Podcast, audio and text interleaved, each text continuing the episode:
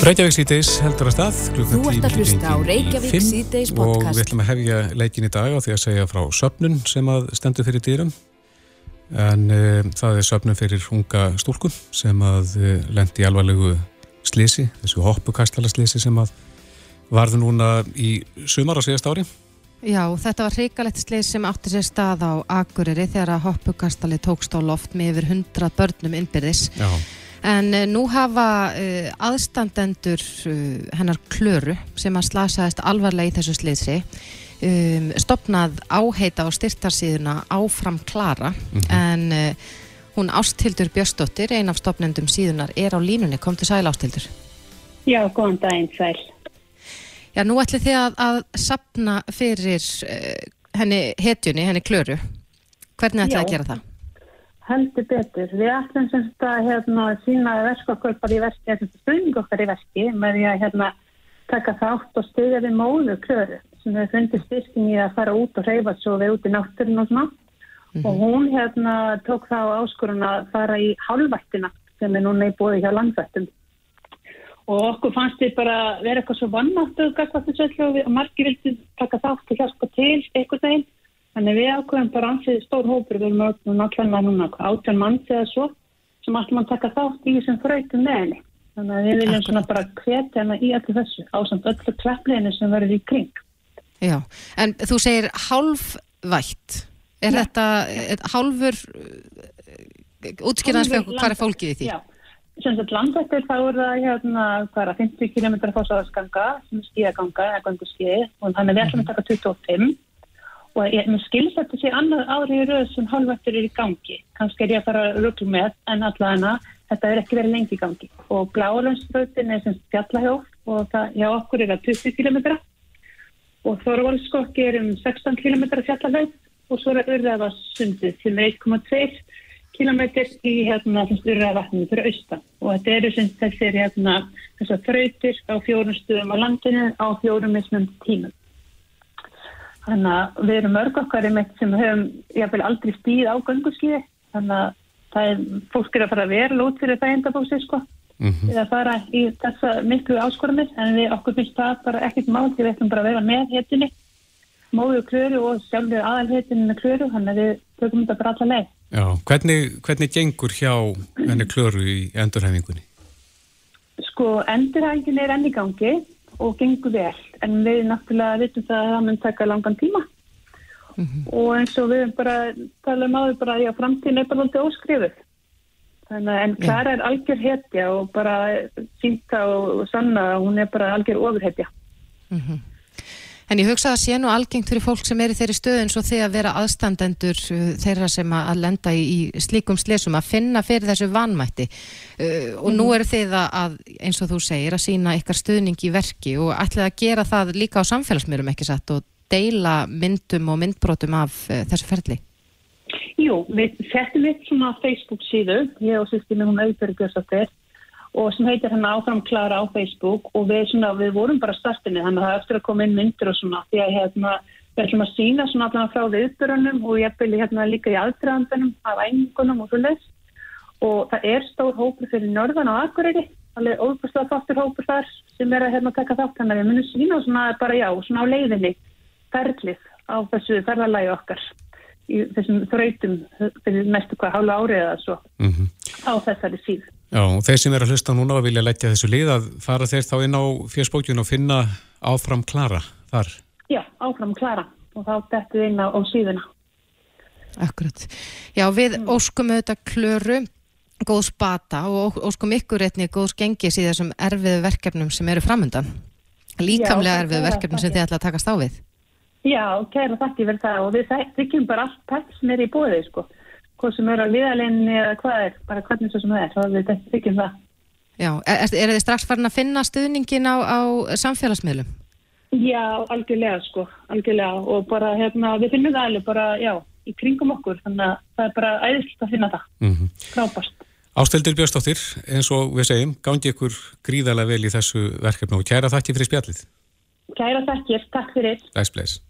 Bye.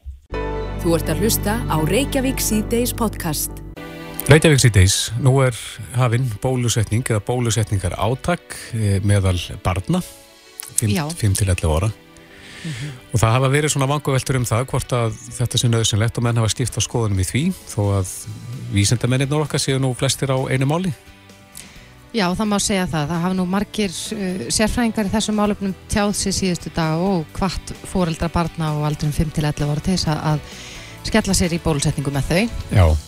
Það, það hafi verið fréttir um, um uh, aukaverkanir alveg frá því að byrja að vara bólusetta þann fyrsta, má segja.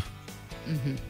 En það barst fréttir af því í dag að, að uh, það hafa 34 tilkynninga borist vegna bólusetninga í aldurshópnum 12 til 15 ára.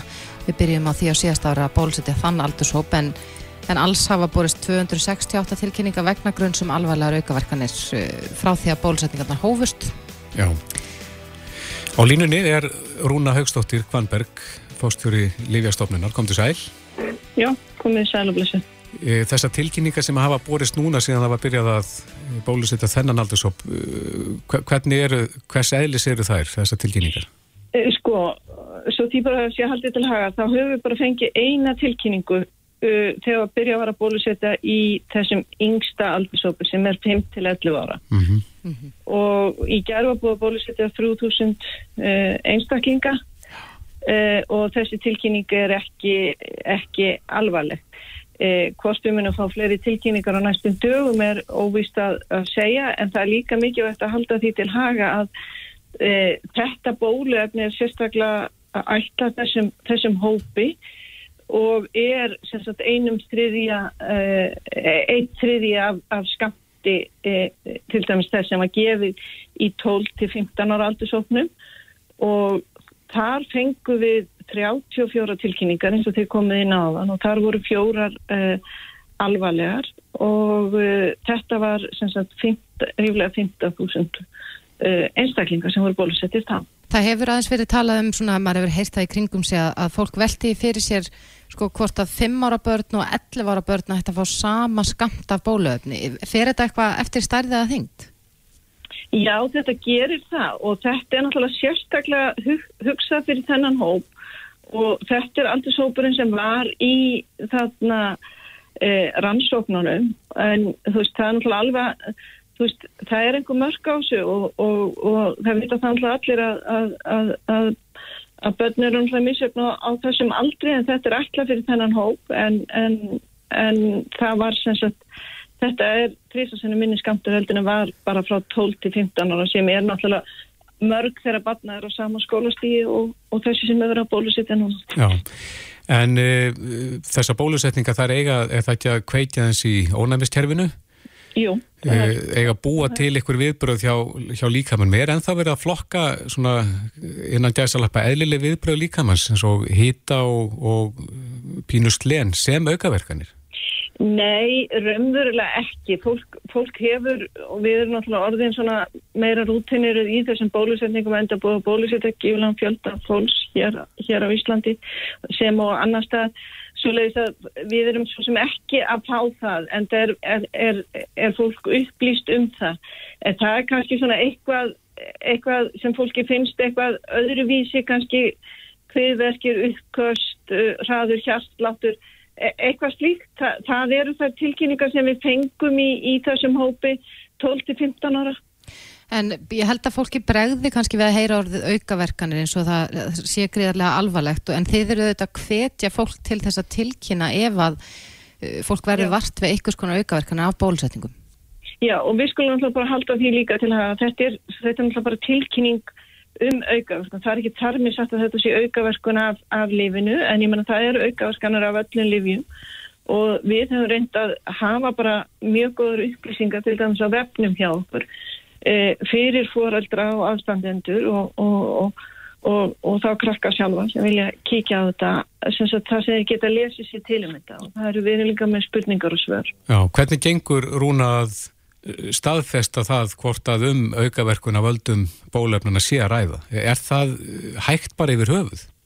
Jú, jú, það er alveg hægt og, og það er náttúrulega tekur, tekur smá tíma og þetta fer allt inn í Evróskan gagna banka og, og, og, og þetta er lagt saman allt hjá þarna eh, löndunum í kringum okkur en ég menna við sáum það til dæmis þegar við fórum í, í bólusetningar í AstraZeneca þá var, var eins og áherslum breytt þar e, út af, út af e, blóðtappa og, og þá var breytt í aldursamsetningu og, og líka varðandi hjartabolgur og, og slíkt svo lesa Veist, það, það er hægt að sjá þetta sérstaklega þegar að raðast inn mjög mikið magna af upplýsingum. Mm -hmm. Hvað þarf að líða langur tími frá bólusetningu og að þessari myndu aukaverkun þegar það er hægt að segja að þetta tengist bólusetningun ekki, er, er hvað tímamörk eru þar? Eh, það er náttúrulega frekar erfitt um það að segja eh, Svona, en, en þetta ánáttúrulega koma fram bara á, á fyrstu sólarhingunum sko. Já, hva, fyrstu hvað? Tveimur, þreimur? Já, já tveimur, þreimur eitthvað svoleið sko En, en svo náttúrulega eitthvað, ef þetta er einhvers annars eðlis, þá, þá kannski er þetta eitthvað, eitthvað lengra en ég, það er ekki. Þetta eru er þessar aukaverkan sem við höfum verið að fá í þessum aldursópin. Mm -hmm. En nú stendur yfir bólusetning uh, barna á aldurum 5-11 og þú talar um að það hafi borist einn tilkynningum aukaverkun. Já. Uh, hvað er það sem, sem fórildar ættur reynilega að uh, já, búa sig undir? Það er talað um að, að sumar aukaverkanir séu já vægar og, og til dæmis eins og bara sársöki á stungustæðu eitthvað slikt. Hver eru helstu aukaverkanina sem að fórildar ættu að búa sig? Það getur náttúrulega verið bara, það er bara svona eins og getur verið að flensu. Ég menna það er náttúrulega híti og beinverkir og eitthvað slíkt en ef fólk hefur einhverjar, einhverjar áhyggjur finnst að vera sko brjóstverkir eða mikil uppkvöst eða eitthvað svona þá er náttúrulega bara eh, mikilvægt að láta skoða það en þetta er allt saman sem getur verið Hvaða ferli fyrir gang til þess að ákvara það hvort að þarna séum beina tengingaræða? Eh, rannsætti þið málið? Sko, við erum ekki þannig séð að rannsaka, við erum að fara yfir okkar tilkynningar sem koma hér inn og, og, og meta þær og síðan fara þær í eins og ég sagði Gagnabanka og við erum mjög lítið tíði Íslendikar að, að, og síðan er, er farið yfir þetta, þetta heita svo kallu signal eða, eða öryggismerki og, og það farið yfir þetta í hverju mánuði. Mm -hmm og, og, og fylgst með þessu. Já, en Rúna, núna undanfarið hefur mikið verið talað um að, að þau bólöfni sem við erum að nota núna vergi okkur síður uh, fyrir ómikrón afbríðinu en þið gaf út frá ykkur tilkynningu í dagum um nýjar bráðabirða niðurstöðu sem segja að já, bólöfnin veiti í raunin mikla vörð uh, gegn alvarlegum sjúkdómi og sjúkráðs innlagnum af völdum ómikrón afbreyðsins. Er þetta í stöðuru þróun ykkar mat á þeirri vörð sem að bólefni veita? Já, þetta er náttúrulega mat Evrósku lífastofnunar og það er bara koma inn það sem að myndi kalla sko bara rauntölur bæði frá Breitlandi, uh, Suður Afríku og löndum í Evrópu uh, það sem er, er, er að sjást og það sem kannski sko aðal, aðalfréttin í þessi er að, að uh, uh, bólefni er að veita vörd fyrir alvarlegum mhm. veikindum og sjúkrósinnlögg uh, og, og örfunabólusetningarnar eru að, að, að koma vel út. Uh, bólefni hins vegar er ekki að veita sömu vördnina og, og var fyrir delta. En, en þetta er það sem er að koma út úr þeim nýðustöðum sem eru að sapnast inn núna og kannski einna helst eins og ég saði e, Breitland Eh, sem hefur haft Omikron uh, kannski lengur en aðris mm -hmm. og, og, og náttúrulega Suður Afríka og þá er, þá er þetta að koma fram og það er náttúrulega því það að það, fólk verður síður veikt og álægið á heilbríðiskerfi er minna. Einmitt. Það vil líka komið fram í fréttum að e, Pfizer heitjast setja á markaðin nýtt líf sem á að vera þá gagleir í baratunum og Omikron hefur verið tekinn ákvörðun um að fjárfesta í því? Mér, mér minnir að þeir tala um að þetta verið tilbúið í mars. Já, sko, ég get nú kannski ekki beilist tjáð með um þetta. Það eru öll þessi bólusetninga uh, framlegendur, bó, uh, bólefna framlegendur er að horfa til þess uh, hvernig þeir geta breytt bólöfnunum sínum til þess að bregðast við þessu. Svo er hinn hlýðan á þessum pening að, að ómikroni verður líklegast gengið yfir mm -hmm. á þessum tíma og, og þá er mann kannski bara að horfa til þess að þetta geti verið bólefni sem geti brúðist við ein, þó nokkrum afbreyðum. Akkurat. Já, þetta er áhugavert og, og augljóslega í stöður í þróun og nýjar upplýsingar sem berast bara nánast daglega í tengslum við eh, bólöfnin. En eh, Rúna Haugstóttir Kvanberg, forstjóri Livjastofnunar, takka kærlega fyrir þetta. Já, kæra takkir, við glæs. Þetta er Reykjavík C-Days podcast. Áfram örkum við hér í Reykjavík síðdeis og ætlum nú að snú okkur aðeins að framlinu fólkin okkar sem starfar í heilbriðisgerunum en uh, neyðarst í almannavarna hefur verið líst yfir aftur, þetta er fjóruða sinn síðan að faraldurinn hófst sem að, við erum komin á þetta stig. En uh, já, það er fullt af starfsfólki á landsbytala og annars þar í heilbriðiskerunu sem að hefur já, staðið vaktina í framlínunni síðan að faraldurinn hóst fyrir tæp, tæpum tveimur árum síðan og -hmm. jafnvel á miklum óvissu tímum þegar við vissum lítið sem ekkert um þessa veiru. Einmitt, það hefur líka verið talað um skort á, á heilbyrðistafsfólki og mm -hmm. nú hefur hafa eh, önnur fyrirtæki á heilbyrðisviði verið að lána sitt fólk til landsbytalans eins og klínikin. En e, formaða læknafélagsins, Steinur Þóradóttir, skrifar einmitt um þetta e, grein sem að byrtist inn á vísi.is sem að ber yfirskriftin að þetta snýst um fólkið í framlínni. Akkurat. Og Steinun er komin til ykkarnir á Söðrhalsbröð. Sæl og verður Steinun. Sæl og blessið. Takk fyrir að bjóða mér. Já, takk fyrir að koma. En, en þú skrifar þessa grein og segir þarna meðal annars að það er deginum ljósara að við sem samfélag verðum að standa vörð um þennan mannuð sem að, að gæta þess að hann kikni ekki áður en yfir líkur. Uh, finnst þér ekki nægilega mikil áhersla lögð á þann mannið sem við höfum nú þegar? Nei, mér finnst það svolítið gleymast í umröðinni, einmitt að þetta er í rauninni bara nánast sömu einstaklingarnir sem er ennþá í framlýninni sem voru það í upphæfi faraldurs fyrir að verða tveimur árum þegar við vorum í þessari gríðalegu óvissu mm -hmm. og ég bara tala af reynslu hafandi verið þarna innan landsbyllans á þeim tíma og er enn að þetta var auðvitað krefjandi að starfa og þá sérstaklega þá, fyrir þá sem að voru í beinum tengslum við smitaða einstaklinga þegar við vissum lítið og á þeim tíma voru allir algjörlega tilbúinir að leggja sitt af mörgum og standa bara með samfélaginu eins og við gerðum öll að láta þetta ganga og koma okkur út úr þessari krísu og þessum kúfi sem myndaðist þá. En ég held að kannski engan órað beinleins fyrir því að þetta myndi bara endur tekka sig aftur og aftur og aftur og nú eru þetta aðstæður allt aðrar. Og sama fólkið í framlínunni eins og var þá, en orðið auðvitað gríðarlega lúið og ég held að það sé komin tími til þess að við sem samfélag stöndum þjættar við baki á þessu fólki og sínum að við kunum að meta að það sé tilbúið að láta hver, hverja og eina svona bylgjuna yfir sig gang og standa sér svona gríðarlega vel í gegnum þetta. Já, hvernig gerum við það? Hvernig sínum við þessu hólki samstöðning? Já, það er mjög áhugavert uh, sagt, kerfi sem er við líði í Svíþjóð meðal annars sem eru svo kallega neyðarsamningar uh, sem eru virkeðar þegar það er farið upp á neyðarstig. Og þá sérst bara koma til uh, hérna, koma til sem sagt aðrir aðrar auka greiðslur ofan á hefbundin laun mm -hmm. í ákveðin tíma meðan krísan gengur yfir og svo þegar neyðast í er aflétt að þá fer fólk bara yfir á sín vennjulegu launakjör. En þannig er við að tala um 120% álag á vennjulegu laun. Sérst starfsfólk, þetta þarf ekki að vera inn í helbriðiskerfi sem endilega en bara það sem að neyðar ástand hefur skapast og þarf að leggja mikið á ákveðin hóp starfsfólks að þá vinnur þetta fólk á þessum kjörum á meðan að það verið að móka sig út úr skaplinum.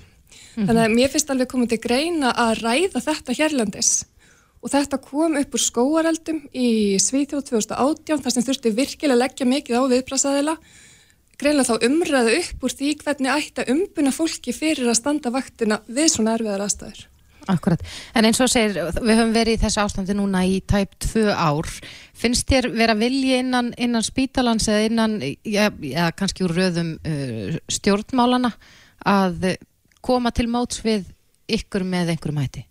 Sko, mér hefur fundist það allan tíman uh, að mestu leiti að minnstakosti. Það eru þetta rattirinn á stjórnmálina sem hafa talað um að við getum í rauninni ekki skert einstaklingsfrelsi endalust til að verja heilbríðskerfið og mér er svolítið gleymast eins og ég kom inn á í greinin að heilbríðskerfið er fyrst og fremst bara fólk og þetta er sama fólki, þetta er sami takmarkaður í hópurinn og höfðum upp á að hlaupa í upphafi, þetta er ennþá sama fólki sem er þarna myrkran á milli að koma okkur út úr krísinu sem við erum í núna.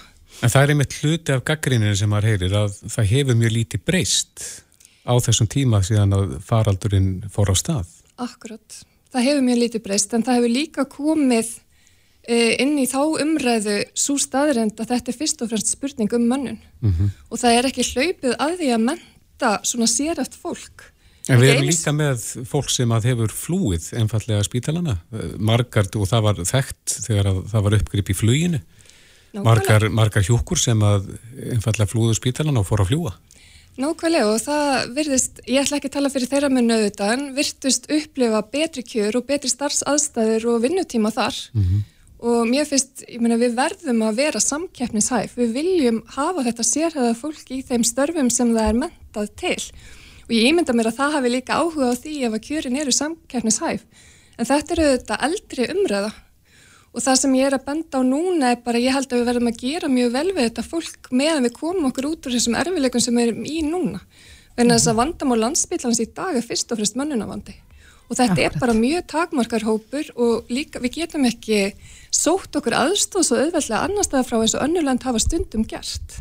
Akkurat, og það er jafnveil svona ákveðin kjarni í þessu að við erum í mjög sérstakri stöðu vegna þess að við erum auðvitað eiga og langt í burtu fyrir öllu og við erum ekki hér sem getur hlaupið inn á spítalinn og sendt öryggiskeslu eða, eða hvað sem það var sem gerist í Breitlandinu fyrir ekki svo löngu síðan en væri það tækt að, að reynlega flytja hingað fólk til þess að hlaupun tilbaka á spítalinu? E, þetta hefur náttúrulega komið til umræðu og það er í rauninu erfitt fyrir utan að komandi þó sér eftir starfsfólk að koma inn á spítla sem það er algjörlega óvand að vinna og læra þar á öll kerfi og, og vinnulag og annað bara 1 fyrir 10 og það er eins og ég segi líka vel þekkt að það tekur bara tíma að þjálfa fólk jáfnvel þótt að sem er góða mentun annar staða frá til þess að vinna í þenn kringustafn sem eru á staðunum þannig að mér er mjög ólíklegt að við í neyðar ástandi getum leist mikið með því þótt auðvitað með mm. skoða það í framhaldinu en við erum bara eins og segja í þessum skabli sem við erum í bara akkurat núna Já. og áleið er mjög mikið akkurat núna og þess vegna fyrst með við verðum að breyðast við eins rættu svo við mögulega getum og ef að það eru gerðir ykkur svona neðarsamningar eins og eru til fyrirmyndir að annar staðar þá er mögulegt að við getum líka laðað að okkur sérhaft fólk sem að vinnur annar staðar í samfélaginu þið myndist mm -hmm. á flýið meðal annars mm -hmm. að það væri þá hægt að gera því tilbúð þannig að það sé tilbúð að koma Akkurat.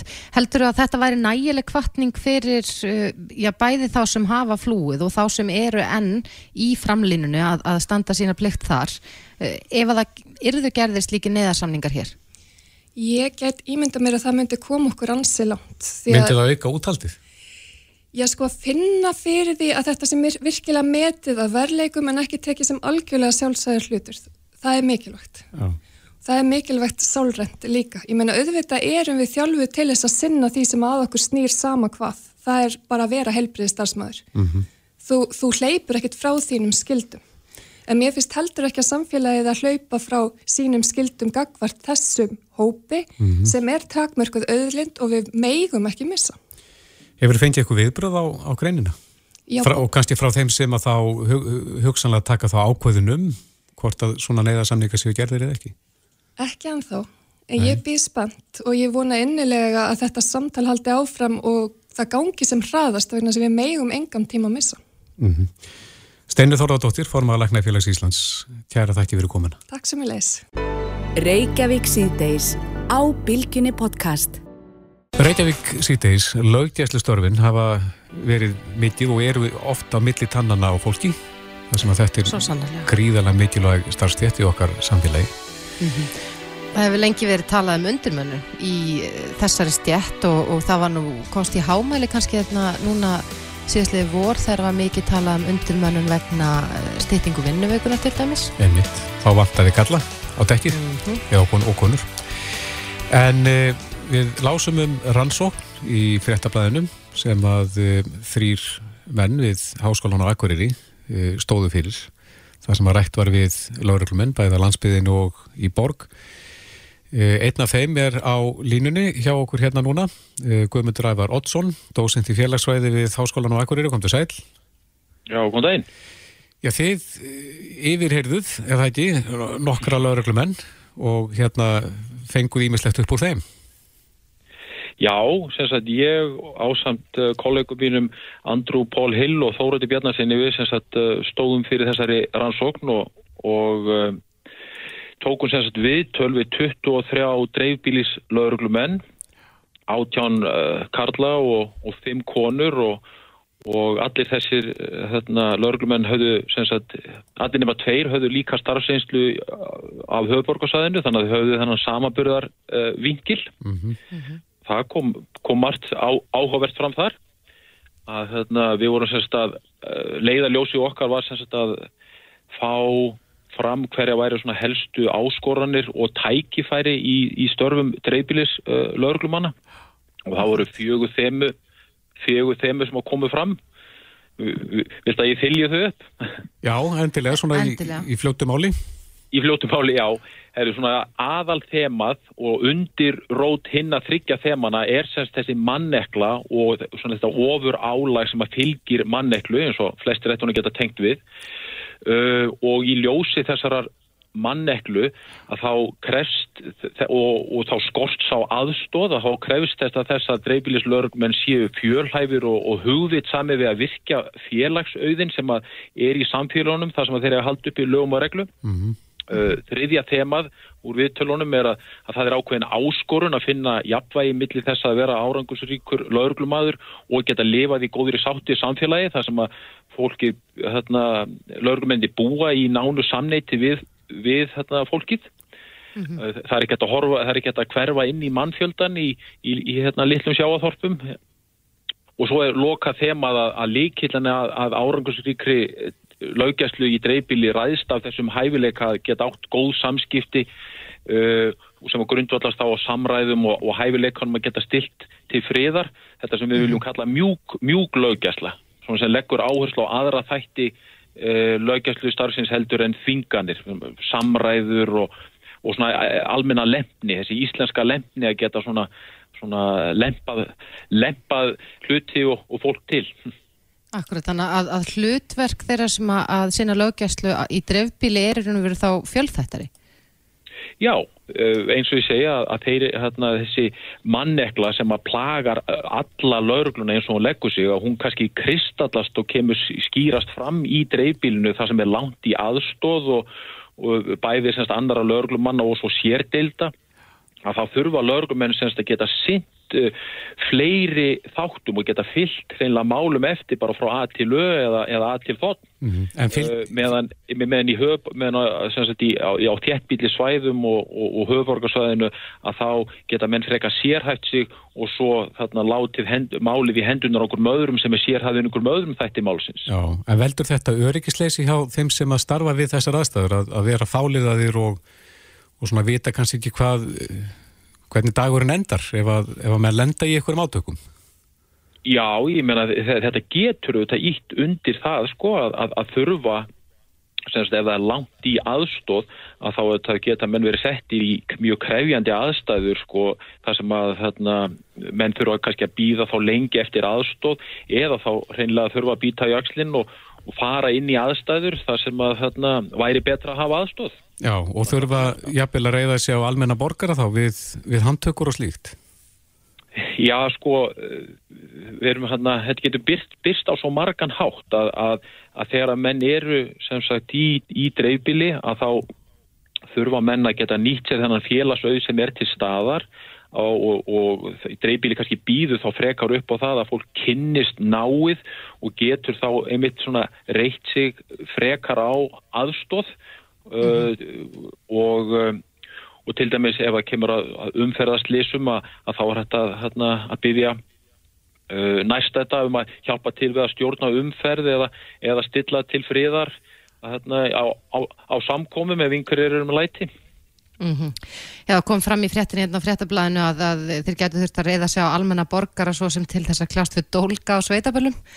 Er það algengt hjá þeim sem eru í dreifbíli að, að já, fá almenna borgara til þess að sinna lögjastlinu með sér? Já sko við vorum þetta ekki að mæla þetta tölulega heldur hérna, erum við semst að, að taka viðtöl við eh, dreifbílis lauruglumenn og, og, og, og margir þetta eru svona búin að vera í þessi í, í mörg ára, ég eppil ára tíu og við veitum að sveitabölun voru algengar hérna fyrir, fyrir, fyrir nokkrum árum. En, en, en það eru þetta þá gott fyrir lauruglumennina að hafa sterkt tengslanett eins og til dæmis inn í sjálfbóðlið í björgun og sveitunum og svona til þess að geta uh, hjálpa til uh, við þó að sé ekki nema bara upplýsingagjöf eða þá að geta gripið inn í og, og hérna, hlaupið í skarðið þegar hérna, það vantar upp á laurugla aðstofuna. Já, en hvað myndur, mældu þið starfsánaðina? Er, er, fannst ykkur á þessum, þessu fólki sem þið tölu við að, að fólk verði almennt ánægt í sínu starfi? Já, sko, við, hérna, það skein í gegn í viðtölunum að, hérna, að, að, að dreiflislaurglumenn eru ánæðir í starfi og og eldri mælingar sem að byggja á, á tölulegum gögnum, spurningalistagögnum benda til þess að ef eitthvað að þá eru dreifilislauruglumenn ánaðir í starfi og sína minni enginni e, þunglindis e, og kvíða og stress og við viljum meðal annars tengja það því sem kemur fram í viðtölum hjá okkur að, að dreifilislauruglumenn finnst gott að hafa meira sjálfræði og geta mhm. séð árangur erfiðsins e, í samfélaginu með því að fylgja málum eftir að þá getur það líka fengið endugjöf úr samfélaginu um það sem að velfer en líka það sem að miðufer og, og þá er þetta breyðast við sko. Akkurat, en þú talaður um bæði sko óknanir og, og tækifæri hvaða helstu tækifæri eh, tækifærum komust þið að í þessari rannsókn? Já, sko þarna títillin á greinin okkar er upp á, upp á ennsku Jacks and Jills of all trades The gentle art of policing rural Iceland. Þarna fyrir hlutin af þessu vísa til þess að uh, eh, dreifbílislauruglumenn eru sannkallaðir þúsund fjala smiðir og það að þurfa sinna málum svona frá frá svona upphafi til enda þetta krefst þess að dreifbílislauruglumenn verði mjög fjölhæfir og það er heilmikil tækifæri því að, að geta svona orði sannkallega þúsund tjala smiðir og verða, og verða fjölhæfir mm. og svo hitt að, að vera í svona nánu samneiti við samfélagið uh, gefur tækifæri meðal annars á upplýsingaöflun og líka geta stuðlaða svona óformlegu félagslegu taumhaldi vegna þess að í svona minni samfélagum berast uh, sagt, upplýsingar uh, og áherslur laurglunar hraðar heldur enn í stærri og, og fjölbreyttari samfélagum. Mm -hmm. En það kemur líka fram hjá ykkur í þessari rannsóknu ekki að, að skilina mill engalífs og, og vinnu séu svona ekki eins skýr út á landsbyðinni.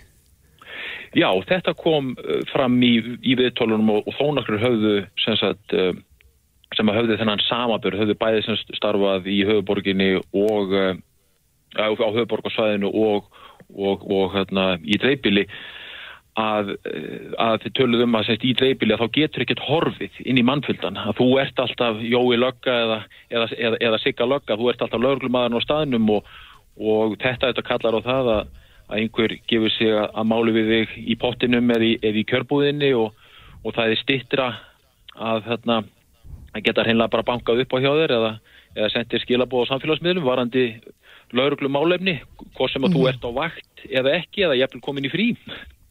En nefndu þau að, já, að fólk kæmi jæfnvel öðruvísi fram við þau vegna þess að þau væru starfandi í lauruglunni? Uh, já, öðruvísi, hvað meinar þau?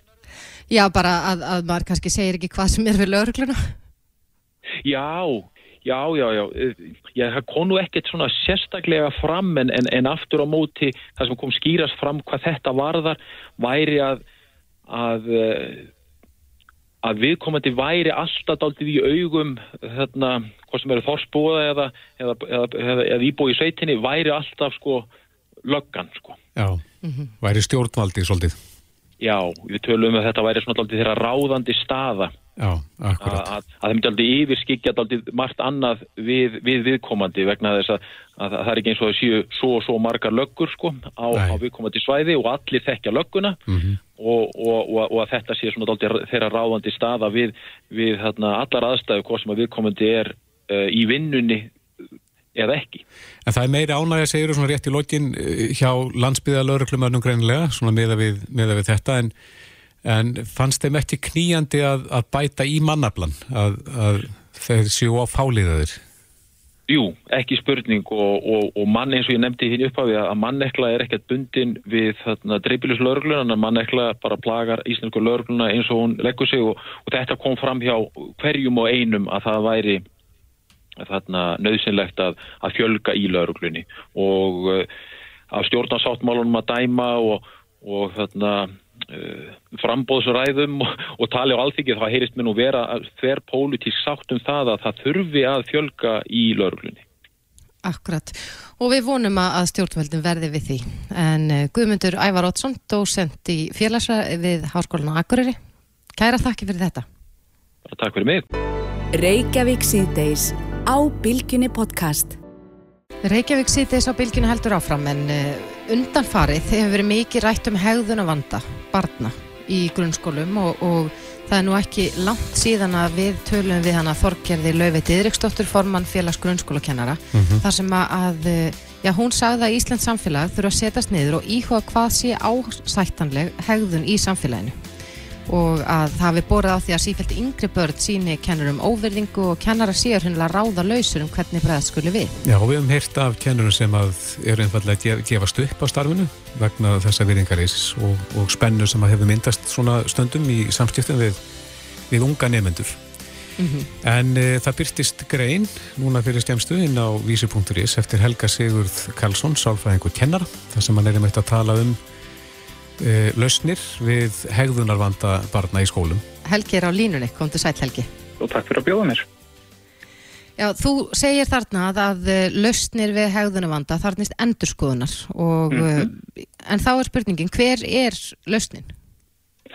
Já, það er náttúrulega góð spurning. Málið er að í grunnskólakerfi og hugmyndafræði aðferðafræði sem grunnskólar beita eru ýmsar en ég starfa og vinn í skólum sem beita uh, aðferð og humdafræði sem byggja á, á hagnýtri atverðlisgreiningu og þessar aðferðir heita sem dæmi sem eru í gangi hér á Íslandi heita SMT, uh, skólafærni sem eru í Hafnarferði og PBS sem maður má finna til dæmis í Grárhaldi. Og út af hvað geng, og, gengur það? það? Það sem að þetta gengur út á er í rauninni greining hegðunar, að þú greinir það vandamál sem að að barni stafar, uh, metur svo þann vanda og, og bregst við með aðferðum, jákvæðum aðferðum sem að uh, gera það verkum að hægt er að uh, þjálfa jákvæða hegðun á skilviskan hátt. En nú tala kennarari mitt um þetta, þetta virðingarleysi í samstiftum við fullorið fólk sé að aukast. Hva, hvað heldur Já. að valdi því?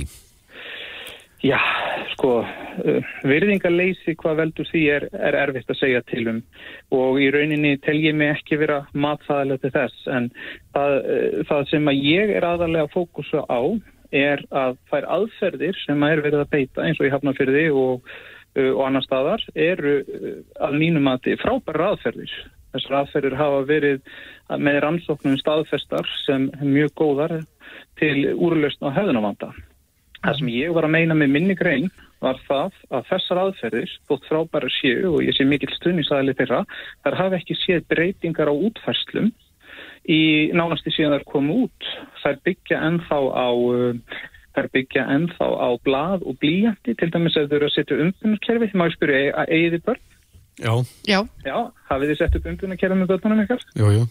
Jú, jú. Þá veitir þið hvernig þetta virkar. Þetta er blað og blíjantur, mm -hmm. þetta, er, uh, þetta eru límiðar og þetta er alls konar handafinna.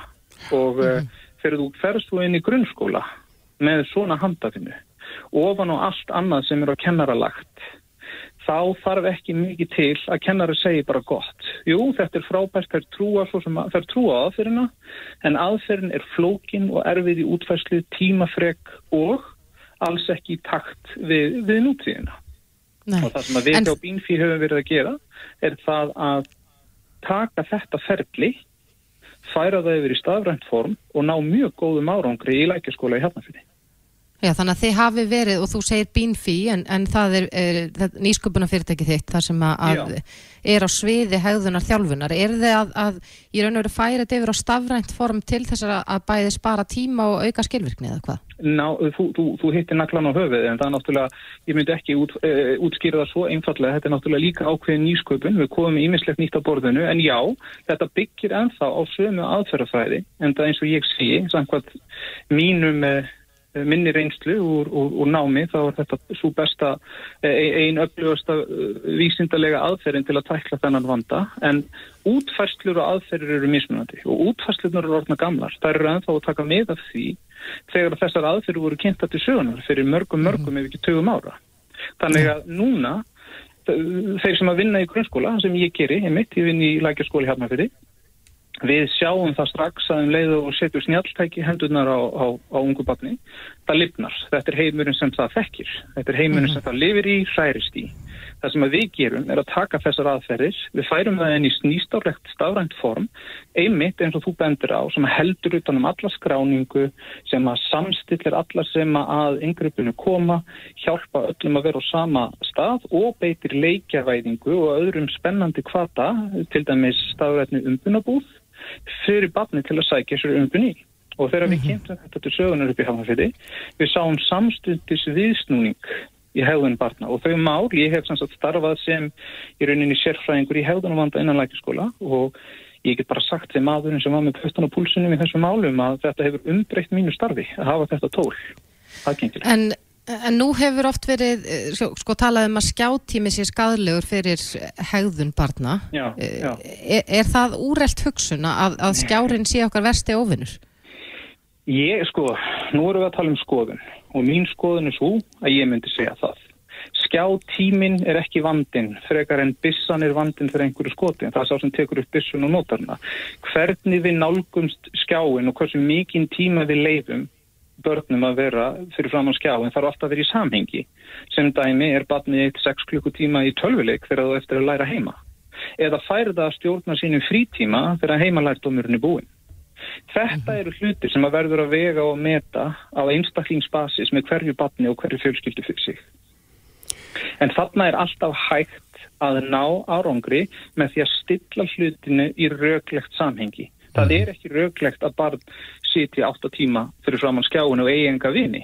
Þannig að líka eins og ég segi, nú skal ég bara segja, ég er, ég er auðvitað einn sá sálfræðingur einn af þeim fyrstu mögulega sem er eldst upp í þessum heimi. Ég var mikill tölvuleikja maður í gamla daga og uh, fóreldra mínu vissi ekki hvernig átt að snúa sér í því en mér var alltaf haldið að ákveðnu verkefnum og, þess, og þegar þessi verkefni voru búin þá réði ég mínu frítíma en hvernig þetta er er ekki hægt að meta eða dæma svo einfallega það verður alltaf að taka tillit til aðstæðana hverja fjölskyldu. Já, þannig að í rauninni var þessu kerfi sem að þú ert að bóða núna, það væri rauninni notað á þig, já sko? Nei, alls ekki, alls ekki. Þetta kerfi byggir í rauninni á þeim aðferðum sem skólatnir eru að nota. Þetta Já. kerfi snýrað umbun og hvetjandi aðferðum til að hvetja börn til dáða mm -hmm. að þeim sé í rauninu umbuna fyrir að standa sig vel og bínfínni heldur enga refsandi þætti, þetta er bara kvartningakerfi. Já, ekki að refsa fyrir slæma hérna hegðun og Nei, það er ekkert svoleiðis í, þú veist, það er engin, sko, refsing er stórtborð. Við skulum segja að það er engin aflegging fyrir óaskilega hegðun vegna þess að kerfið snýra því að styrkja jákvæða hegðun. Mm. Það er ekki að fókusa á erfileikan. Það er að fókusa á hegðunum sem við viljum sjá, eins og atvellisgreining gerir almennt þegar hún er að reyna að stefna einhverju jákvæðu. En, en nú starfar þú í grunnskóla. Tekur þú undir orð uh, grunnskólakennara að, að það séu sífælt yngri börn að sína í að kennur um óvirðingu og að kennara séu hreinlega ráða, ráða lausir? Ég kannski tek undir þau orð að það sé ákveði ráðaleysi í gangi en hvort að hérna, vannverðing í garð eh, kennara hafi aukist margtakt yfir einhver tíma hef ég hvorki tölurni annað til að spá í. En mér finnst börndáliti koma fram við okkur eins og við komum fram við þau. Og það sem að mér finnst stundum gleymast þóttu ég sé alls ekki að leggja mat eða dóma á kennara er það að það skiptir óslulega miklu máli hvernig við byrjum okkur að við börnin. Þannig að það er eitt sem við mættum öll hugsa okkur betur um en hvort að það sé lausna á þessu samfélagslega vandamálu sem við stöndum fram með fyrir veit ég ekki. Nei. Já, þetta er áhugavert og, og við munum eflaust tala lengi um þetta en, en eh, eins og þú segir, snjallvæðing gæti hjálpa til. Já, hún gerir hluti sem að hafa áður ekki verið skilvirkir, hafa tekið mikinn tíma og við skulum ekki gleyma þann tíma og það álag sem er á kennurum í dag að bæta Nei. við uh, endalusum umbunarkerfum sem eru mikil skráning og pappisformi og ná það, það gerir ekkert nema lýja kennara þótt að þetta sé úrræðið en af því að það er svo mikið áláð á kennuru nú þegar þá þurfa að koma fram tól sem að aðstofa þá án þess að bæta við hellingsvinnu og að náðu í kjölfari mm -hmm. og það er einmitt það sem BFI stefnir að gera. Helgi Sigurður Karlsson, sálfræðingur og kennari. Þetta er umhugsunar efni Kæra þakki fyrir spjallið. Takk að ykkur kella Þetta er Reykjavík C-Days podcast Það eru eflust margir sem að fylgjast með handbólta mm -hmm. og fylgjast með Europamestramótunu sem að nú fer fram. Íslenska Karla landsliði flög til Budapest í Ungverlandi í gær mm -hmm. og það hefur verið hans sem merkjöld að fylgjast með fréttum af liðinu en þeir hafa verið í svona sóttvarnar kúlu Já. í uh, þó nokkra daga mm -hmm. áður en þeir flög út. Einmitt. Sem að hefur þótt mikilvægt þar sem að uh, menn hætti ekki á að missa menn í einhver veikindi, svona rétt fyrir mót. Nei, og þess vegna var nú kannski ekki sérstaklega svona bjartar fréttir sem bárust uh, frá Ungverðlandi þar sem að, að uh, leikmenn og þjálfara þar er að kvarta yfir skorta á sóttvörnum á mótinu sjálfu. Já, Guðmundur Guðmundsson, landsleikstjálfari, er á línunni, kom til sæl. Já, sæl verið. Já, í hver er þið lendir hérna núna eftir, eftir búbluna hér heima? Já, það er bara, þú veist, þetta kemur okkur á óvart og hérna semst við áttum vona á því og ég og liðið að við myndum koma hér inn í ákvæmna búblu og erum vendaðir kakvart smittum eins, eins og kostur er. Mm -hmm. en ég, það er bara ekki búbla í gangi á þessu hóteli. Uh, og hérna sem týðir það að menn er að deila til dæmis öll liðin sem eru hér á þessu hóteli sem eru þrjúli, það eru Portugal, við og, og Holland deila saman sama slaðborðinu raunverulega. Já. og síðan eru gestur á hótelinu sem að eru bara hér að já, bara eins og gestur hér á hótelum eru að fara bara þangar sem það lókar til að fara. Og hérna eru ímis með grímu eða ekki með grímu en það er ekki raunverulega grímu skilda í Ungurlandi Nei Um, þannig að þetta er mjög sérstatt og vegna þess að við erum þetta sem lið búin að leggja mjög mikið á okkur og HSI hefur kostað miklu til að vera í þessari vinnustasótt hví sem við vorum í aðna á Íslandi frá öðrum januar. Mm -hmm. Ég er búin að einangra mig og mína fjölskyldum er þess að bara síðan fyrir jól sem sagt ég fór bara nánast ekki neitt og fjölskylda mér þurftu nú að bara láta þessi hafa það líka til þess að ég myndi, eh, já, minga líkunar á því að fá smitt -hmm. Þannig að það er, svo ég er ekkert að kvarta í því, ég er bara að segja að það, það er bara, ekki búin að leggja mjög mikið á sig í þessu og þess vegna erum við svona að hissa. Vorandi verður þetta allt í lagi, ég, ég ætla ekki að fara að mála skrattan á vekkin en, en hérna, þetta er bara stór mál og við erum náttúrulega mjög mikið að passa okkur eins og við getum. Já. til þess að missa ekki menn í smitt og það er bara stór mál þegar maður er komið svona nálat svona móti. Akkurat, en það hlýtur þá að vera svekkandi eins og þú talar um að þið hafi verið í þessari kúlu og, og þú hefur verið einangra þig og þína fjölskyldu að, að síðan koma út í aðstæður sem að ykkur þykir ekki vera örugar. Já, það er bara hægt að segja það, það er alveg hægt, við varum að segja það og hérna við hins vegar, það er mjög mikilvægt að, að við náttúrulega hins vegar getum ekki verið að velta okkur ómikið upp úr þessu og erum ekki að því þetta er eitthvað bara sem að svona eru hlutinir og það er mjög mikilvægt að við bara að einbit okkur að því sem skiptir máli það er það að spila handbólta og undirbókur þannig að ég er svona ekki það velta mér ómikið upp úr þessu, alls ekki. Nei. ég er bara búin að setja þetta algjörlega til hliðar og það verður bara aðrir að glíma við þetta. Ég er ekki einn af þeim. Ég er bara að glíma við það að undirbúa lið og stýra liðinu og leikmennir er að einbita sér að því að undirbúa sér sem best og vera klárið þegar á hólminni komið. Já, þannig að Guðmundur fyrir ekki því hefði þá ekki sendt þið hefði ekki sendt þá formlega kvörtun yfir þessum aðstæðum hérna eða beðið um að það verði bætt úr? Það, það er bara aðrir í því en ég sko. Já. það eru þetta hérna farastjórar eh, leysins og formar HSI og þeir voru á teknifundi áðan. Mm -hmm. og ég bara er hef allt annað við minn tíma að gera heldur en að vera velta mér upp úr því sko. Þannig skilji ég bara, hana, þannig við erum bara svona búin að taka þá ákvörðin sem, sem leikmenninur og ég og svona, við bara erum að einbjöðt okkur að því sem er framöndan og það er að snýra handbólta. Akkurat, en hvernig er stemningin í liður? Nú hefur Óli Steff fyrir, fyrirlega íslenska handbóltalandleysins eh, sagt að, að það sé eitthvað í loftinu mjög bjart sitt fyrir uh, mótinu? Jú, jú, ég veit, jú, jú, ég veit svo sem ekki alveg hvað að ná við með því en eins og það er bara þannig, við erum búin að undirbúa okkur mjög vel og við erum með auðvitað þó að það sé vandi nokkra leikmenn í hópin þá eru flestir hérna sem, já, það eru ykkur þrý leikmenn sem kannski hefur verið hérna öllu jöfnu sem eru meittir en þá er stórluti leikmann hérna í mjög góðu standi sagt, og við erum ekki með mikil meðsli með mörg annulið Þannig að um, þetta gengir bara nokkuð vel á æfingum og það er mjög góður andi eins og ég segi í hópnum og menn bara eru fulli bjart síni mm. en á sama tíma gera okkur greið fyrir því að, að allar yfirlýsingar fyrir svona móta eru bara sko allt í lægi en, en það er sem stelur eru þetta framistarinn á vellinu og við erum bara að fara að glíma við gríðalega sterklið, sterklið hérna, þú veist og bara, við þurfum bara að spila mjög vel á öllum síðan til þess að ná að vinna til dæmis Portugala því það er nú næstu leikur sko. Þannig að við, það er bara engin ástað til þess að annars en að mér líður vel sem þjálfvara með stöður á liðinu núna mér líður vel það sem er búið að leggja upp og hvernig við erum búin að undirbú okkur og það er bara gott gott að þú veist að maður sé að hugsa þann hátt og en enn og endanum þá bara er það framistæðar sem tölur. Já, en þú ert náttúrulega þekktu fyrir það, Guðmundur, að, að vanda undirbúningin og, og, og gera nokkuð ítalega. Næstu búin að kortleggja anstæðingana vel? Já, ég get bara sagt að það. Ég hef verið búin að liggja yfir þessu í fleiri mánuði og, og við erum komin með svona leikplan mm -hmm. sem við trúum á, það er varnarlega og sóknarlega og Um, já, ég bara, við erum búin að undirbókur gríðarlega vel. Ég vona það bara gangi upp að, að við náum að segra hérna í Portugala í, í þessum fyrsta leik. Það já. er bara... En handbóltinn var nú lengi vel þjóður í þrótt Íslendinga og svo datta nú aðeins -hmm. niður og fótbóltinn tók -hmm. við. Er, er mhm. gullaldar tími handbóltans að, að renna upp aftur?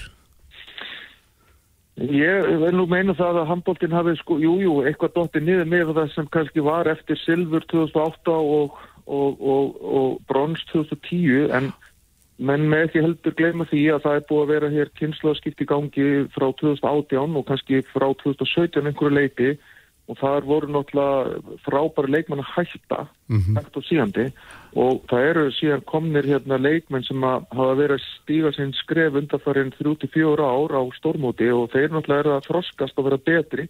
Þeir eru að koma að spila með betri liðin í Európu og verða að fara með hæværi og, og allt svo framins þannig að ég, ég held að við bara gengið Íslandi hafa gengið meira bara í gegnum svona kynnslóðskipti og það tekur tíma. Og nú er bara að sjá hvað erum konið langt við, við bara förum hérna fulli sjálfströst inn í þetta mót og hérna Já. svo sjáum við bara hvað setur Akkurat, fyrsti leikur á fastudagin ekki satt? Jú, það er hérna Portugal á fastudag og það verður bara gríðarlega spennandi leikur Portugal eins og ég segi það vantir einhverja leikmann hjá þeim en það vantir líka hjá okkur sko þannig að það endanum held ég þetta sem alveg jæmt verður upp í stað og þeir eru bara góður anstæðingur en við erum líka með gott lið þannig að ég held að þetta veri mjög, mjög spennandi leikur.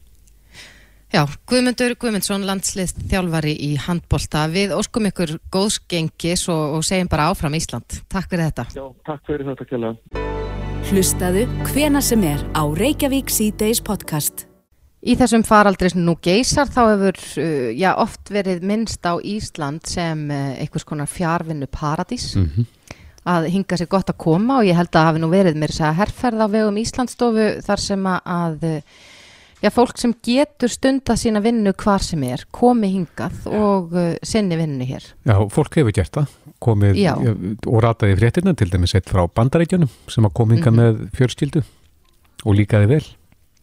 Já, En uh, ég, við rákast á netinu, hérna á flateri, er að, þangað er hægt að fara og fá allt sem að þarf til þess að geta sinns sinni vinnu, skrifborð, fjarfundabúnað, internet og, og jafnvel gott kaffi. Mm -hmm. Og þetta er svona fjárvinnu, já hvað maður að segja, skrifstofa fyrir þá sem að, að hana geta nýtt. Já, þetta er svona einhvern veginn millistíða milli vinnustæðisins og, heimilisins, þetta er svona eitthvað það er mitt á milli.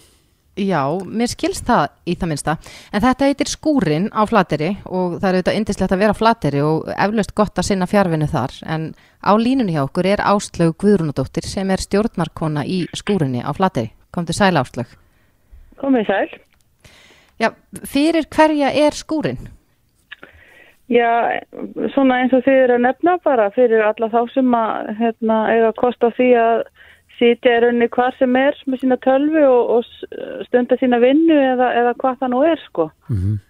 Við hefum verið með hérna, fólk sem að annarkvort uh, er hér svona með annan fótinn og, og stekkur þá þarna inn til þess að vinna eins og til dæmis ég sjálf og svo hefur verið hérna fólk sem að kannski dvelur hérna á vestfjörðum í lengri tíma, þrjá mánuði eða eitthvað slikt og og hérna er með vinnu aftur í skúrin á meðan og þetta er bara alla vega sko sem er koma og eru bara eh, stuttan tíma og, og það er allir gangur á þessu sko.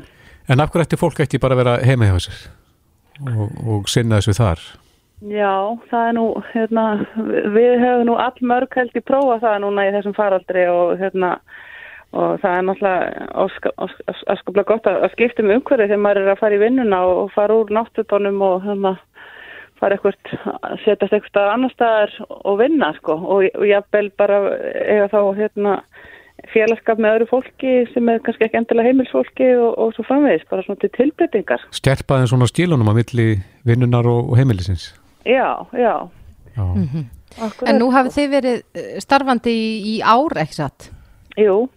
Mm -hmm. Hvers slags fólk hefur hérna- leitað til ykkar? Er það aðalega Íslendingar sem vilja skipta um umhverfi og, og uh, koma vestur eða fólk, fólk erlendis frá?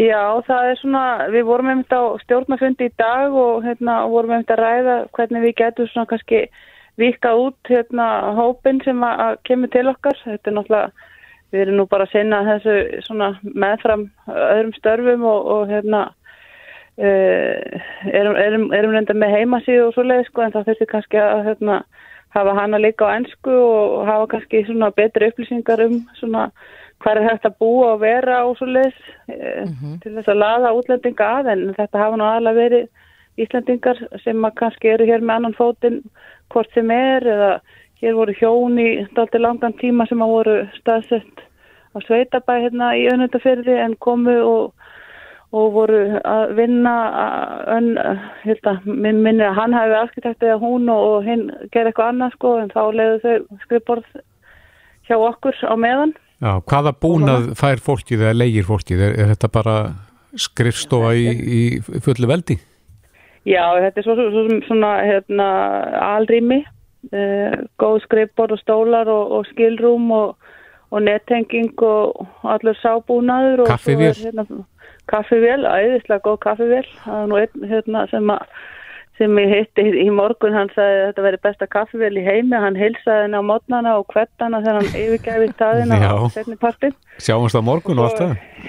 Já, og svo er fundar aðstæða í kjallarannum og svo er náttúrulega útsinni stórkostlegt hérna út á höfnina. Ef maður er svo heppin að geta séð út um gluggan og hérna Það er kannski svona helsti, helsta vandamáli sem við standum fram með fyrir núna og erum bara að finna leiði til að lesa það er kannski að finna bú, búsettu fyrir þá sem að vilja koma og vera hérna sko.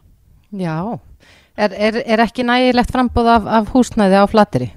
Já, sko það er það en við þurfum bara að hérna, koma því í kringa að það sé í bóði. Hér, mm -hmm. hér er nú eins og viða í svona minni plásum þá er að færast í aukana fólk, kannski höfuborgarbúar eiga húsi eða íbúðu eitthvað hérna og dvæli nú kannski ekki hérna endilega allt árið um kring en, en það væri með, eitt möguleiki að, að geta hérna leikt, leikt húsið sitt út til þeirra sem að vilja prófa og vera hérna í einhverjar vikur eða mánuði og, og svo er ég alveg vissum að það leynast hérna herbergi og íbúðir hér og þar bara í fyrðinum sem að væri hægt að nýta með þessum hætti. Það bara þarf að, að gangi málið sko.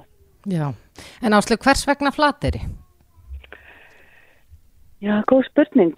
Þetta er bara indislega staður. Við komum nú bara hérna fyrir tilviljun 2016 og hérna árum ekkert á þessum vöksunum að, að fara að uh, vera hér eitthvað meira. Við ætlum nú bara að fara á rockháttíð og Ísafyrði og renna okkur á skýðum og við hefum bara ekki getað slita okkur frá þessum stað síðan. Það er bara, þetta er náttúrulega bara eitt fallegasti staður á landinu, fallegasti fjörðurinn, besta fólki, ég veit ekki hvað og hvað, skilur. Þetta er bara ásanlegt að vera hérna. Já, en og þú segir að þú... Er tekið opnum örmum. Já, einmitt, en þú, þú vinnur annar staðar á landinu, er það ekki? Sæður það ekki á mig? Jú, jú, jú, jú, ég vinnir Reykjavík. Við bara, við ætlum nú bara að vera hérna í hérna yfir áramótin fjölskyldan en við fengum nú hérna COVID allsumul og erum bara að ljúka sko síðast í fjölskyldumælumurinn er ljúka sinni einangrun á miðnetti þannig að við erum bara að vera hér uh, síðan á annan jólum sko. Já, þannig að þú vinnur í fjárvinu frá flateri. Já. Og við hvað, við hvað starfaru? Ég er hérna kynningar og markastjóri í listasafni Reykjavíkur. Já, já. Og hérna... Hægt að vinna það hvar sem er? Já, það er allavega hægt að finna svona all flestu hvaðan, hvaðan sem er sko, þó að það sé auðvitað gott að hitta vinnufélagar sína öru kóru og, og allt það sko, þá er það bara Mhm. fínt að, að taka smá svona reispu annar staðar stundum. Já, en fyrir þá sem eru áhugasamir og, og er að hlusta núna, eh, Já. hvernig er verðskráin? Hvað kostar að- leia hjá okkur þetta rými? Ó, ég er ekki með þetta alveg fyrir fram, þetta er inn á skúrin.is. Já. Þá er hérna, þá getur við séð hvað dagurinn og kostar og vekan og mánuðurinn og svoleiðis. Ég man það ekki alveg til að ég Nei. geti hérna talið það upp núna, en, En þetta er, er, ekki... Áslega, er Þetta er ferlið hópið. flókið að koma sér að hjá okkur? Nei, nei, nei, bara hafa samband og það gefið upp símanúmer á netfang og við leysum úr öllum mögulegum málum, sko. Já. Og skúrin með einu enni. Skúrin, já, Akkurat. já. Já, kærar þakki fyrir þetta. Þetta er áhugavert. Áslögur og dóttir, stjórn og kona í skúrinni á flateri. Takk fyrir. Takk sem er leiðis. Bless, bless. bless. Reykjavík síðdeis á bylginni.